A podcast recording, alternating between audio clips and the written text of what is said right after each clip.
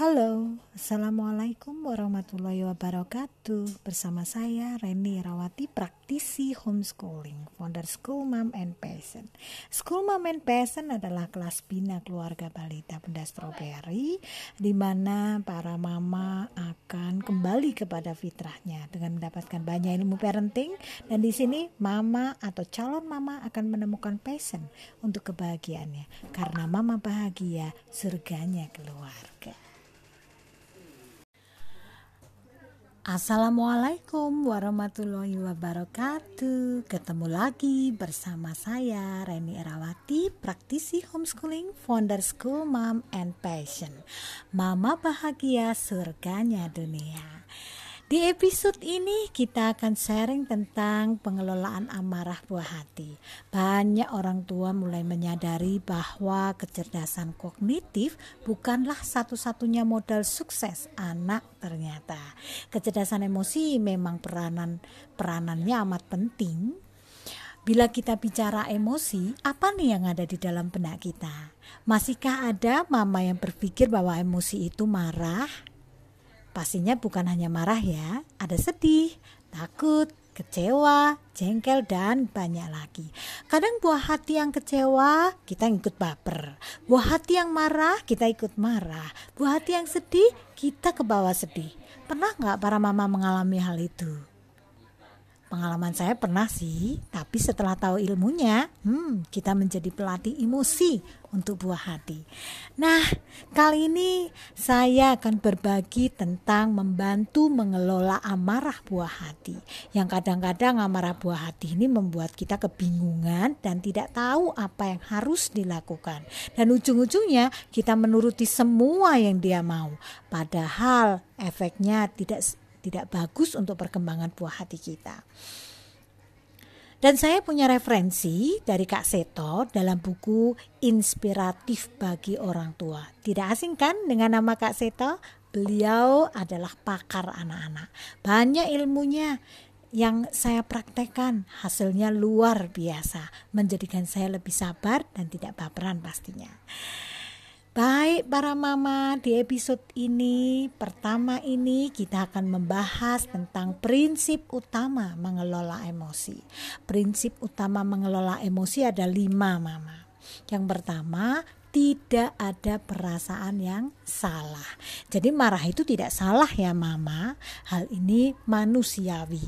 Rasa marah itu sama manusiawinya dengan rasa lapar yang kita alami karena belum makan. Rasa sakit karena tertusuk benda tajam ataupun rasa ngantuk ketika kurang tidur.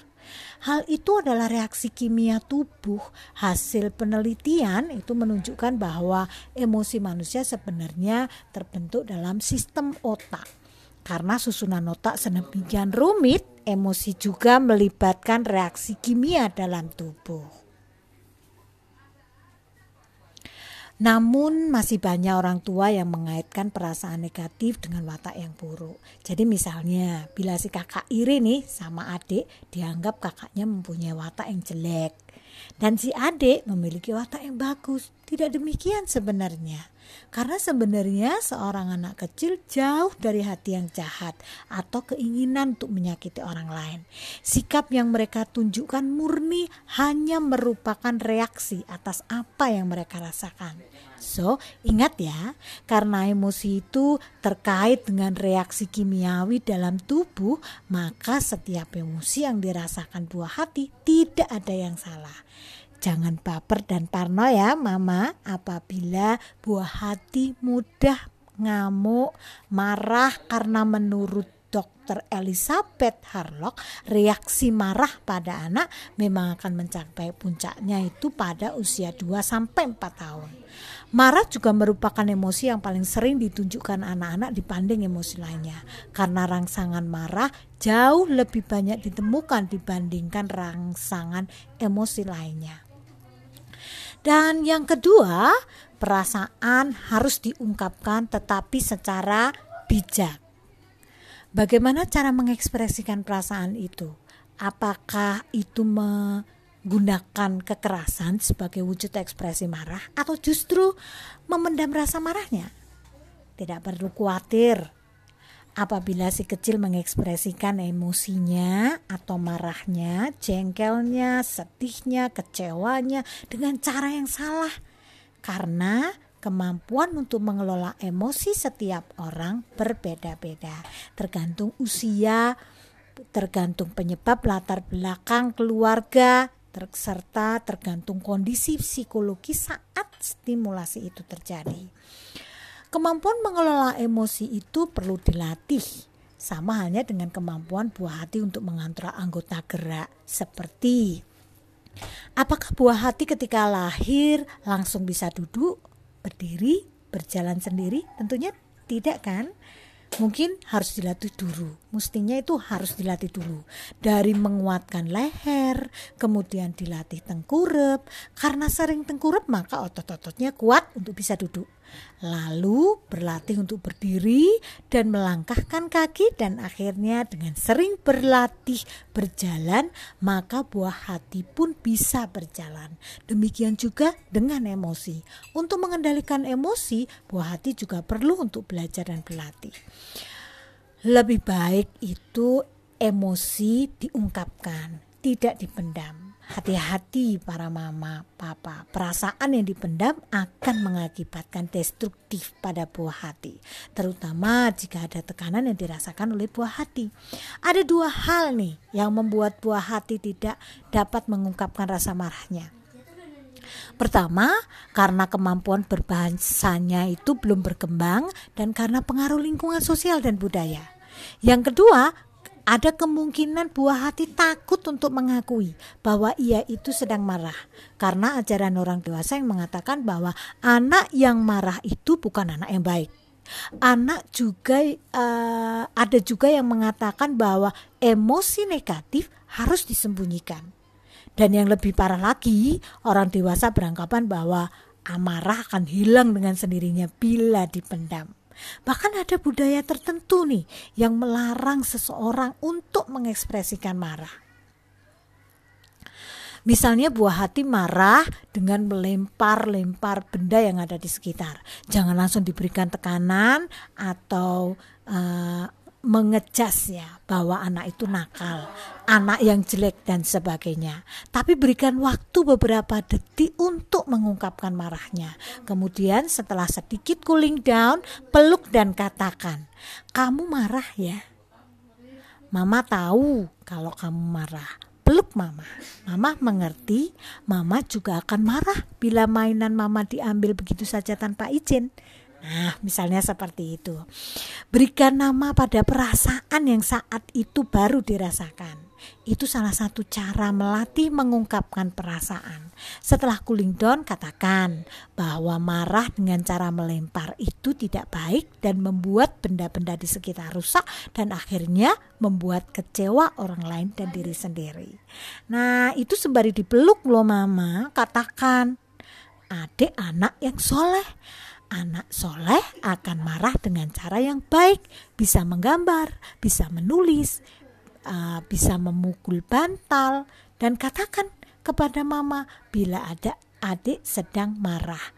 Langsung uh, hal itu apabila dilakukan itu bisa langsung menurun me, apa menurun drastis emosi kemarahannya loh mama. Bagus lagi kalau uh, uh, memberikan nasihat dengan uh, mencontohkan marahnya Rasulullah. Uh, contoh marah Rasulullah, berikan uh, apa? Berikan contohnya. Marah yang bagus itu seperti Rasulullah itu jauh lebih bagus lagi. Nah, yang ketiga, Mama, letakkan harapan sesuai kemampuan anak. Jangan lupa para mama bahwa anak-anak tetaplah anak-anak. Mereka memiliki keterbatasan pemahaman maupun kontrol terhadap dirinya. Jadi tidak mungkin mengharapkan mereka mampu mengerti mengendalikan diri dan berperilaku layaknya orang dewasa. Sebagai contoh, seorang mama meminta buah hatinya yang baru berusia 2 tahun untuk duduk makan di meja meja makan selama 2 menit tanpa melempar makanan. Hal ini harapan orang tua cukup sesuai dengan usianya.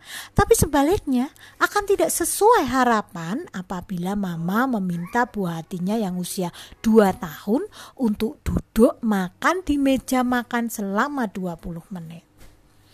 Orang tua perlu mengetahui apa yang diharapkan dari buah hati sesuai usianya. Misalnya, buah hati yang kemampuan bahasanya belum sempurna diminta menceritakan alasannya mengapa marah. Tidak mungkin kan? Karena perkembang bahasanya belum sesuai harapannya.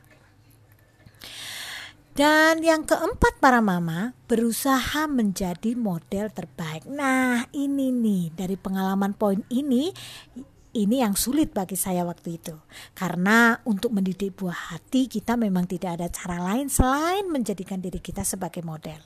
Anak-anak adalah peniru ulung sehingga mama papa haruslah menjadikan dirinya sendiri sebagai contoh sebab mama papa adalah model utama dan paling dekat dengan kehidupan buah hati. Sering kita mendengar mama mengatakan, "Tuh, marahnya kayak papanya kan?" Nah, itu salah satu bukti bahwa marah saja mencontoh. So, kita harus hati-hati ketika marah di depan buah hati. Akan ditiru nanti cara marah kita. Maka kita harus mengendalikan diri dan uh, mengendalikan emosi saat di depan anak-anak. Tidak hanya itu, kita juga harus mendorong buah hati untuk berperilaku secara positif. Perilaku yang baik atau yang positif akan terdorong dengan pola pikir yang positif. Nah, salah satu cara menumbuhkan pola pikir yang positif adalah dengan berusaha membuat pernyataan positif dengan porsi yang lebih banyak dibandingkan pernyataan yang negatif. Misalnya seperti cerita tadi, ketika anak marah, melempar benda di sekitar, setelah cooling down, peluk dan bertanya, adik marah? Nah, itu memberikan contoh mengungkapkan perasaan saat itu. Dan katakan, anak mama anak yang pintar, anak yang soleh, anak yang baik, anak yang jujur. Mama tahu kalau adik marah. Lalu Selipkan sedikit nasihat bahwa marah boleh tapi dengan cara yang baik. Misalnya, berikan contoh cara marah yang baik. Marah boleh dengan menulis, boleh menggambar. Bagus lagi memberikan contoh marahnya Rasulullah dan ajarkan bila marah baca ta'awud. Karena orang tua adalah contoh terbaik untuk buah hatinya, maka tunjukkanlah bagaimana cara orang dewasa mengatasi kemarahan, kekecewaan dengan sikap yang tenang. Jadilah guru bagi buah hati kita sambil mereka memahami dari apa yang kita teladani. Dan yang terakhir nih mama yang kelima, bersikap konsekuen. Sikap yang konsekuen dalam mengasuh anak adalah hal sangat penting. Sikap ini akan membantu orang tua untuk mencapai tujuan karena dapat mendorong anak untuk patuh dan menghormati orang tua. Sikap konsekuen ini juga berlaku bagi orang tua. Ingatlah kembali bahwa orang tua adalah model atau panutan bagi anak. Apabila orang tua melanggar peraturan, ia juga harus mencontohkan pada anak bahwa ia menerima konsekuensi pula. Misalnya, Orang tua melanggar peraturan, ia pun harus bersedia dihukum. Maksud dihukum di sini bukanlah orang tua adalah pesakitan yang bersedia diperlakukan apa saja karena telah bersalah dan anak bertindak sebagai jaksanya. Namun hal ini hanya bertujuan mengajarkan konsekuensi kehidupan kepada anak. Jika orang tua tidak konsekuen, tentunya anak akan mengalami kebingungan. Selain itu, batasan aturan yang dibuat orang tua menjadi kabur dan tidak jelas. Misalnya, tentang peraturan membuang sampah pada tempatnya. Tidak mungkin orang tua menerapkan aturan membuang sampah pada tempatnya di dalam rumah apabila orang tua sendiri tidak membuang sampah pada tempatnya orang tua membuat peraturan sikat gigi sebelum tidur. Harusnya konsekuen pula untuk menjalankannya. Memperbolehkan anak uh, melanggar peraturan tidak gosok gigi hanya karena orang tua enggan mengantarkan anak ke kamar mandi akan berdampak negatif itu bunda. Wibawa orang tua bisa luntur dan anak-anak menjadi terbiasa melanggar peraturan. Ketika orang tua berusaha menegakkan peraturan kembali, ada kemungkinan si anak akan membantah dan bahkan merasa marah. Kita juga perlu menjelaskan tujuan dan alasan kita menerapkan aturan tersebut dengan bahasa yang mudah dimengerti. Selain itu, kita perlu pula menjelaskan bahwa peraturan itu berbeda-beda untuk orang yang berbeda-beda. Namun, hukuman itu hanya bertujuan untuk mengajarkan konsekuensi. Untuk mengajarkan anak bersikap konsekuensi diperlukan kekompakan antara mama dan papa untuk menegakkan peraturan dan memberikan contoh. Ingat kembali prinsip, jadilah model terbaik. Misalnya nih ya, Andi jangan berantakan ya. Setelah selesai bermain, rapikan kembali mainan di tempatnya, kata mama. Bisakah aturan ini ditegakkan apabila papa saja selalu berantakan? Papa juga berantakan, mah. Andi bisa saja bergila dan mama tidak bisa menghukumnya karena berarti mama juga harus menghukum papa. Untuk itu, papa dapat menyelamatkan situasi ini dengan berkata, Andi, kita tidak boleh begitu. Kasihan, mama sudah capek-capek merapikan rumah. Sesudah selesai kita sesudah sel, uh, sesudah selesai kita rapikan bersama ya. Papa merapikan buku dan kamu merapikan mainan. Di sini papa dapat mengubah dirinya langsung menjadi model yang baik. Sebaliknya, penilaian anak bisa kabur apabila antara mama dan papa tidak ada kekompakan.